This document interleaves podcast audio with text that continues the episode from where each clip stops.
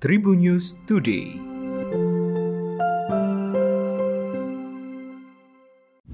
Tribuners berjumpa kembali bersama Hakim di Tribun News Today dan Hakim akan berbagi informasi menarik hari ini, mulai dari informasi nasional, internasional, selebritis, dan juga olahraga.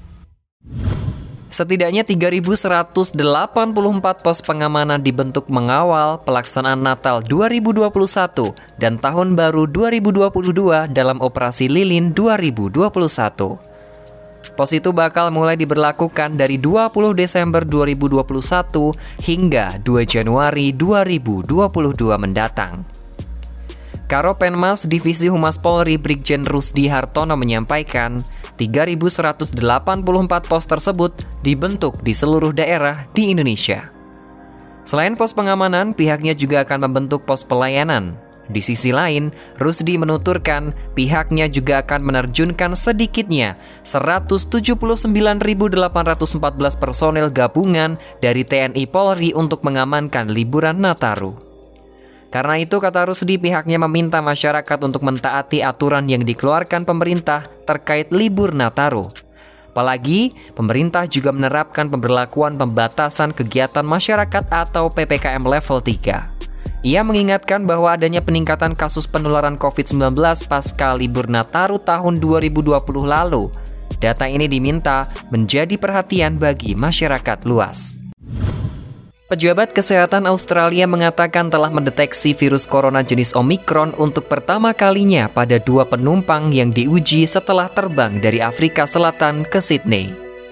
Melansir Al Jazeera, otoritas kesehatan di negara bagian timur New South Wales mengatakan pada Minggu 28 November 2021, pengujian genomik mendesak dilakukan dan mengkonfirmasi jenis baru itu ada pada dua orang yang mendarat di Sydney pada Sabtu 27 November kemarin. Kedua penumpang tersebut berasal dari Afrika Selatan dan tiba di Australia dengan penerbangan Qatar Airways melalui Doha. Mereka dites positif COVID-19 tak lama setelah tiba, kemudian dianalisis untuk mencari tahu apakah terinfeksi strain Omicron yang mutasi protein lonjakannya sangat tinggi. 12 penumpang lainnya dari Afrika Selatan pada penerbangan yang sama tidak dinyatakan positif COVID tetapi telah ditempatkan di karantina. Otoritas kesehatan menambahkan sekitar 260 penumpang dan awak di pesawat juga telah diperintahkan untuk diisolasi. Pesawat dengan penumpang yang terinfeksi mendarat pada hari yang sama ketika Australia mengumumkan larangan penerbangan dari sembilan negara Afrika Selatan, termasuk Afrika Selatan dan Zimbabwe.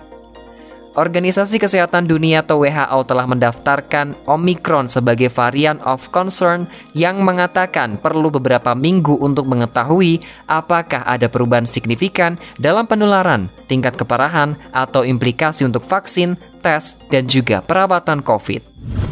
Pasangan selebritis Brisia Jody dan Julian Jacob semakin akrab. Keduanya seolah menunjukkan saling mencintai Menyambut Hari Raya Natal dan Tahun Baru 2022, Prisia Jody dan Julian Jacob mengaku sudah memiliki rencana. Tak hanya berdua saja, mereka juga ingin bersama dengan kedua belah pihak keluarga. Meski begitu, saat ini hingga menjelang tahun baru, Brisia Jody masih disibukkan dengan beberapa aktivitas syuting.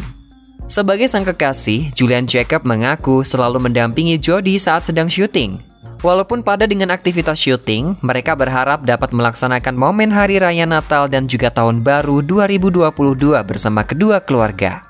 Rencananya, keluarga Brisia Jody dan juga Julian Jacob akan merayakan Tahun Baru dan juga Natal di Puncak, Bogor, Jawa Barat.